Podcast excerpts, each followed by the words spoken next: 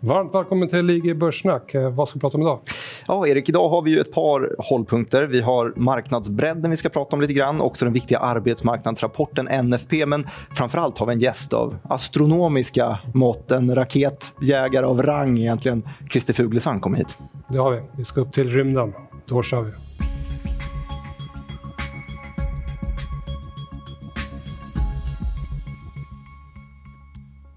Ja, Börssnack är programmet där vi pratar om börsen och allt annat relevant som styr de finansiella marknaderna. Dagens avsnitt spelar vi in 30 maj, eh, tisdagen 30 maj. Mm. Eh, första veckan i månaden innebär alltid mycket makrodata. Vi har bland annat eh, PMI-data, så kallade inköpschefsindex, men även jobbrapporten från USA. Mm. Jag vet att du har kikat lite grann på det där. Ja, men det är ju den största såklart. NFP, den här månatliga amerikanska arbetsmarknadsundersökningen. Och klockan 14.30 på fredagen så får vi då två stycken siffror då som vanligt.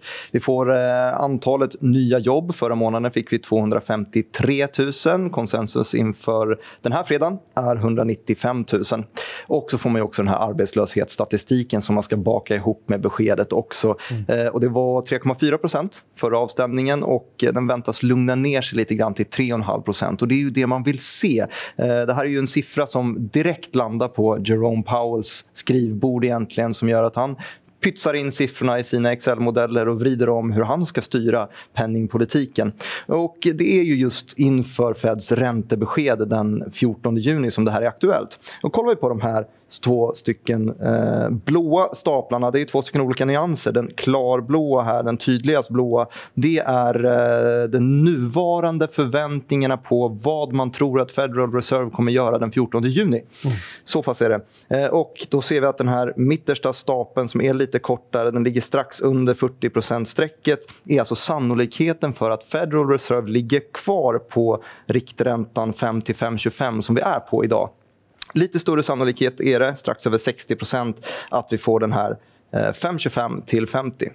De ljusblåa staplarna istället, det är det intressanta i bilden. Det är vad eh, bilden var för en månad sen istället. Så då hade vi en eh, ja, 65% sannolikhet här uppe för eh, paus. 25% sannolikhet för en höjning och eh, faktiskt en liten, liten sannolikhet för att vi skulle få en eh, räntesänkning här. Mm. Och så var alltså bilden för samma möte fast för en månad sen. Och slutsatsen det är väl att den har förändrats ordentligt under den här tiden. Ekonomin den har visat sig vara lite hetare än väntat och därför behöver Fed strama åt lite mer än väntat. Fick också in lite inflationsstatistik här eh, förra veckan. Från Just det, PC-inflationen som styrde där. Ja. ja. som steg faktiskt år över år.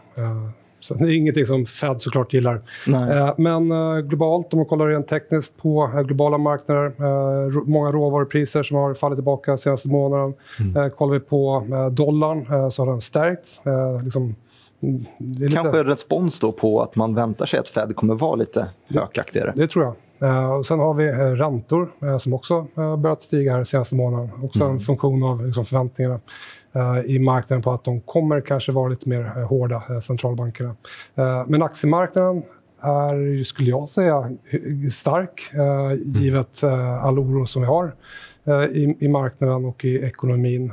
Både S&P 500, breda amerikanska börsen, men även storbolagsindex i, i, i Sverige, OMXS30 försöker liksom bryta upp eh, över de här tidigare topparna. Sett ja, den har varit på den här toppnivån väldigt länge nu känns ja. det som. Den här tokrusningen i början av året när vi nådde upp till de här ja, 22, 2200, 2230 nivåerna ungefär som vi har hägrat kring just nu. Så har vi legat kvar där i flera månader med reservation för lite dippar lite då och då. Ja, exakt. Eh, men det man också kan göra, eh, förutom då att konstatera att börstrenden är positiv mitt trendfilter eh, som jag använder på, på Stockholmsbörsen slog om till positiv trend 31 oktober eh, i mm. fjol. Sen har liksom börsen handlat sin uppåtgående trend.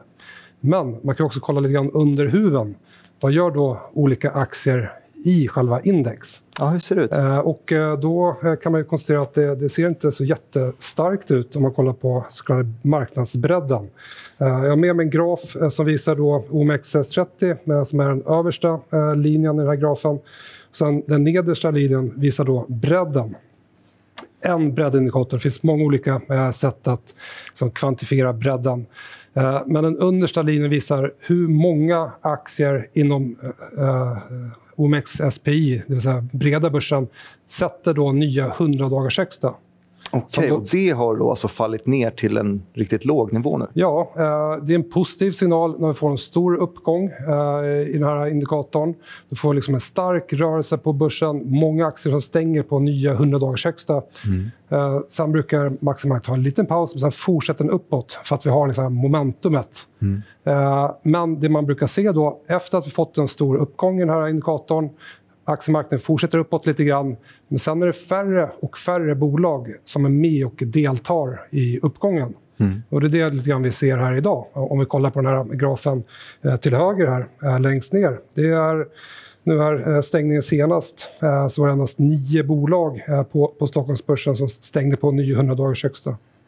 Så om Stockholmsbörsen bryter uppåt, om S&P 500 bryter uppåt här i USA, då vill i alla fall jag gärna se att det är många eh, bolag som liksom bekräftar den rörelsen. Och det är, inte det vi ser idag. Då. Tror du att det skulle kunna finnas en, en liten affärsmöjlighet där? För då, att bredden är så pass dålig betyder då att det är färre bolag och i det här fallet så är det de stora bolagen som har drivit på uppgången och det som har sackat efter mm. är småbolagsindex och microcap till och med som ju fortfarande är på väldigt låga nivåer, rejält nerhandlade. Um, finns det en, uh, någon form av arbitrage att hitta däremellan? Att kanske förflytta pengar om man har mycket i ett storbolagsindex, att förflytta det till ett småbolagsindex för att det här kommer ta ikapp så småningom? Eller är det en fånga kniven-strategi som är ja, dömd att misslyckas? Mer det. Jag vill gärna i så fall fokusera på det som visar styrka. Mm. Det kan vara svag bredd i, i början på en längre liksom, uppgångsfas. Uh, men då vill man se liksom en sektorrotation, precis som du är inne på. Att det är andra typer av aktier som, som börjar dra. Då. I USA det är techjättarna som har dragit. Uh, mm. I Sverige är det lite annorlunda. Där är det verkstadsbolagen som liksom har agerat eh, draglok. Eh, och du nämner eh, small cap, småbolag. Eh, i, på svenska small cap-listan så är det mycket bygg, fastighetsrelaterat. Och som bekant, det har ju gått eh, jättesvagt. Tufft för dem. Mm. Precis. Eh, så att, kollar vi på en graf här på svenska fastighetssektorn och jag har också lagt till en linje här på skräpobligationer, USA en ETF. Så när den linjen faller så stiger räntan. Det vi kan konstatera är att fastighetsaktier och ränteutvecklingen brukar ha en hög korrelation. Mm stigande räntor negativt för fastighetsaktier. De är så pass kapitalintensiva så att det är en så stor del av deras affärsmodell att de ska kunna få finansiering billigt. Och det går ju stick i stäv Precis, de är ofta högt belånade. Eh, men det som är lite anmärkningsvärt här, tycker jag, om man kollar på grafen, det är att eh, korrelationen är så extremt uh, stark. Mm. Liksom, hur svenska fastighetsaktier rör sig på aktiemarknaden, det är precis som hur som obligationer rör sig i USA. Det är, liksom, det är inte liksom e-, egna liksom, eh, enskilda eh, bolag eh, som, som, som, rör sig på, på marknaden, utan det är verkligen makro eh, som bestämmer utvecklingen för de här bolagen mm. nu här idag. Ja. Så har det varit senaste året. Sen får man se om den här kopplingen då försvinner eh, framöver, om marknaden då skulle fokusera lite mindre på just eh, på makro eller ränteutvecklingen.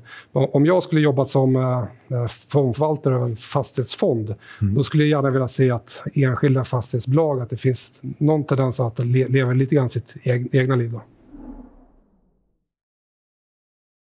Ja, den här veckan har vi Christer Fuglesang med oss i studion. Ja, första svensk upp i rymden. Eh, idag jobbar du som rådgivare, eh, bland annat åt Magnus Mick Niklasson som förvaltar eh, fonden Space Fund. Han var med här för några veckor sedan. Mm. Eh, hur, hur, fungerar ett sånt samarbete?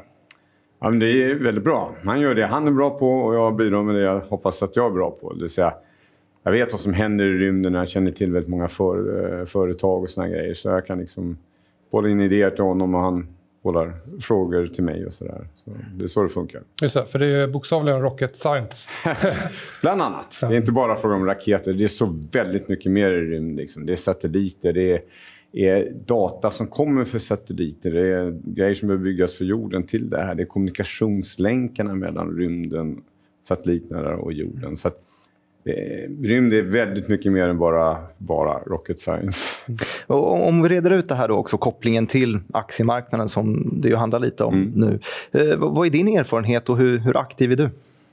Nej, jag är inte någon aktiv eh, aktiehandlare. Jag menar, det händer att jag gått in och köpt och sålt någon gång och så. Då.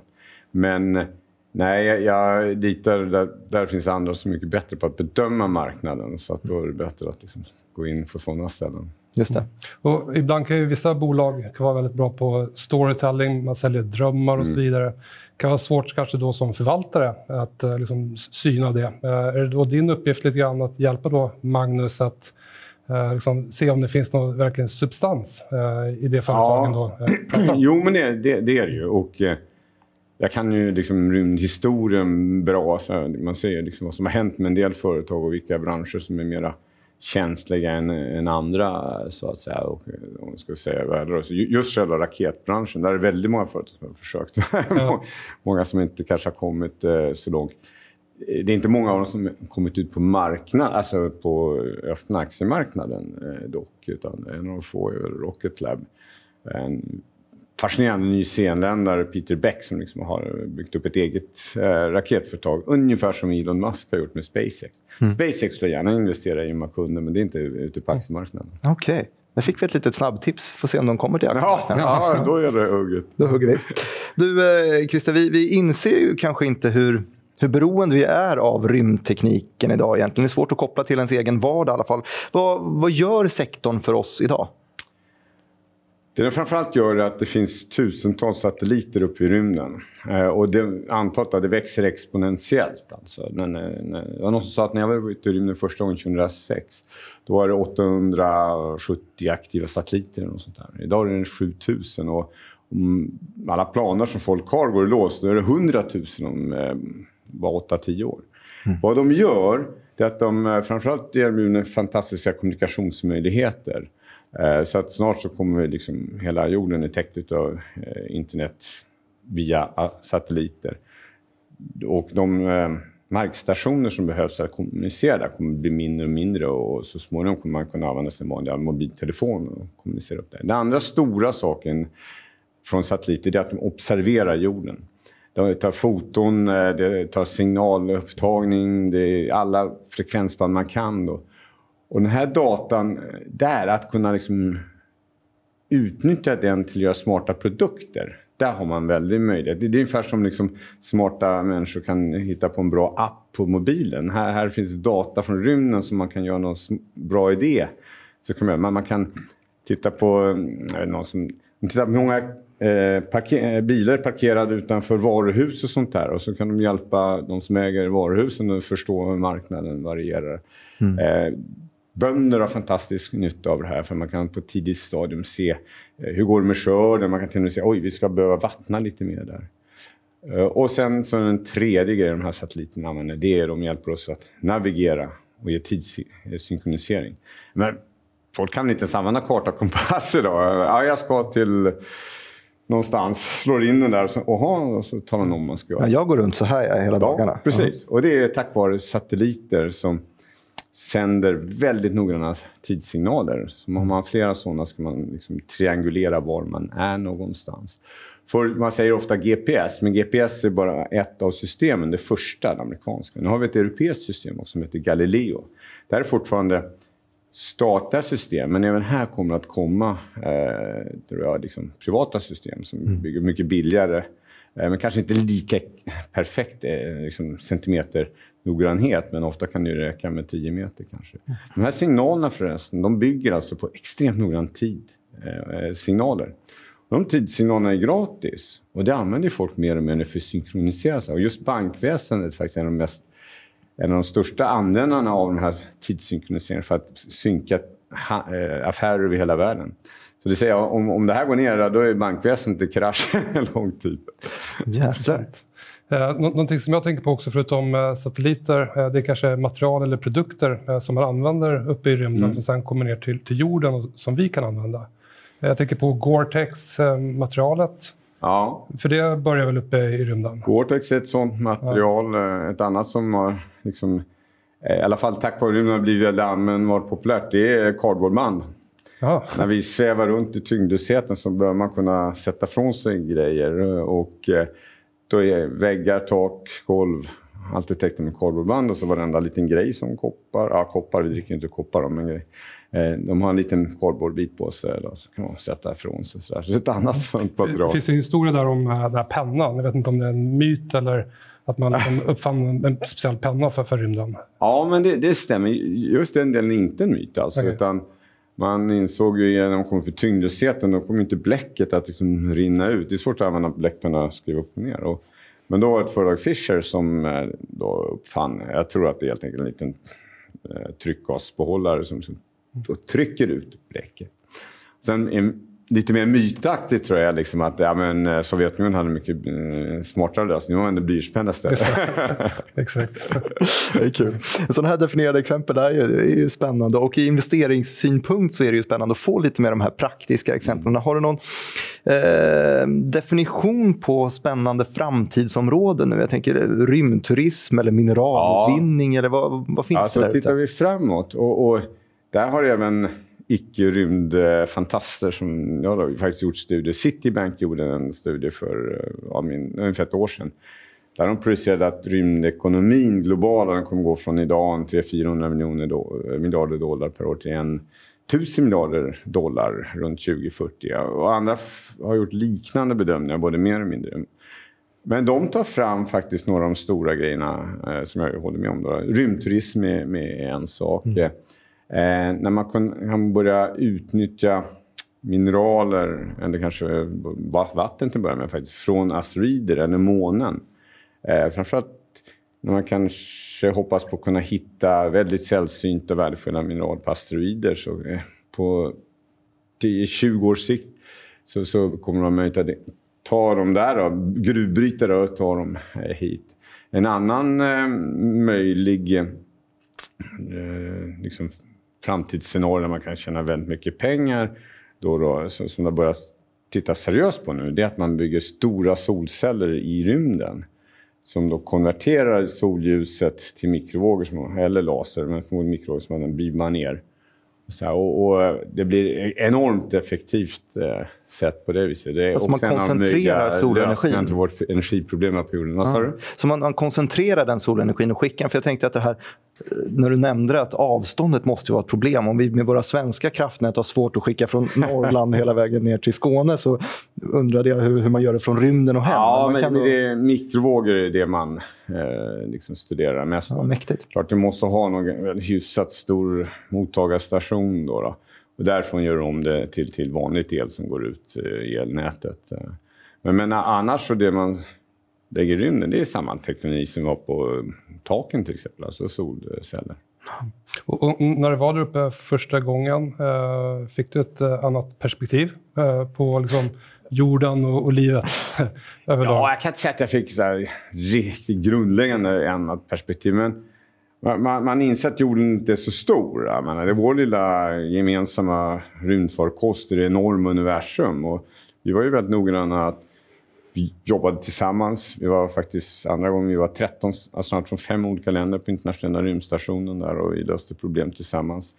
Eh, om man ser ner på jorden som inte ser stor ut, vi vet att vi har problem där nere, vi måste lösa de problemen tillsammans. Man ser hur tunn atmosfären är. Liksom. Det gäller att ta hand om, precis som vi var noga om att ta hand om vår miljö, livsmiljö in i rymdfarkosterna. Mm. Just det.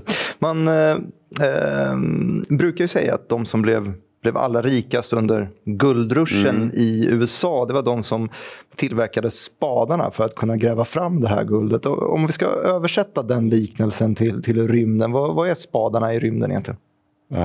Jag tror att det är den service som satelliterna ger, som jag var lite inne på förut. Att eh, det kostar mycket pengar att skicka upp grejerna i rymden, det kostar en hel del att bygga satelliterna, men de ger ju data. Och att köpa in de här data behöver inte vara någon större eh, investering. Och sen så man kan göra något smart utav dem som jag sa. Mm. Då är, det, det, det, är inte direkt kopplat till eh, spadarna, för det var ju den som gjorde det först. Men jag, jag tror det där mera pengar ligger än, än man kan säga kanske de som bygger satelliter bygger raketerna. Som ändå är de första grejerna man behöver för att kunna använda rymden. Precis som spadarna, de första man behöver för att kunna gräva fram guldet. Mm. Vi, vi, har ju några större bolag i sektorn som till exempel Lockheed och Virgin Galactic och uh, Rocket Lab.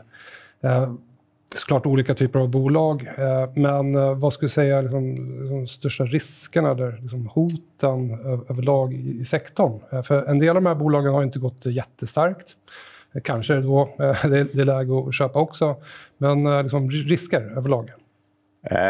Jag tror att en korttidsrisk är att det, det kanske överetableras lite grann just nu. Då, liksom att det kommer att behövas en Eh, vad brukar man kalla det? Inte sättning. En men, konsolidering av något slag? Ja, konsolidering i marknaden i vissa områden. Jag tror det ser lite just för att skicka upp eh, raketer till exempel. Eh, men, men eh, har man kommit över initial problemen och verkligen fått en fungerande produkt, då ligger man faktiskt bra till. Rocket Lab är ett exempel på det. Då.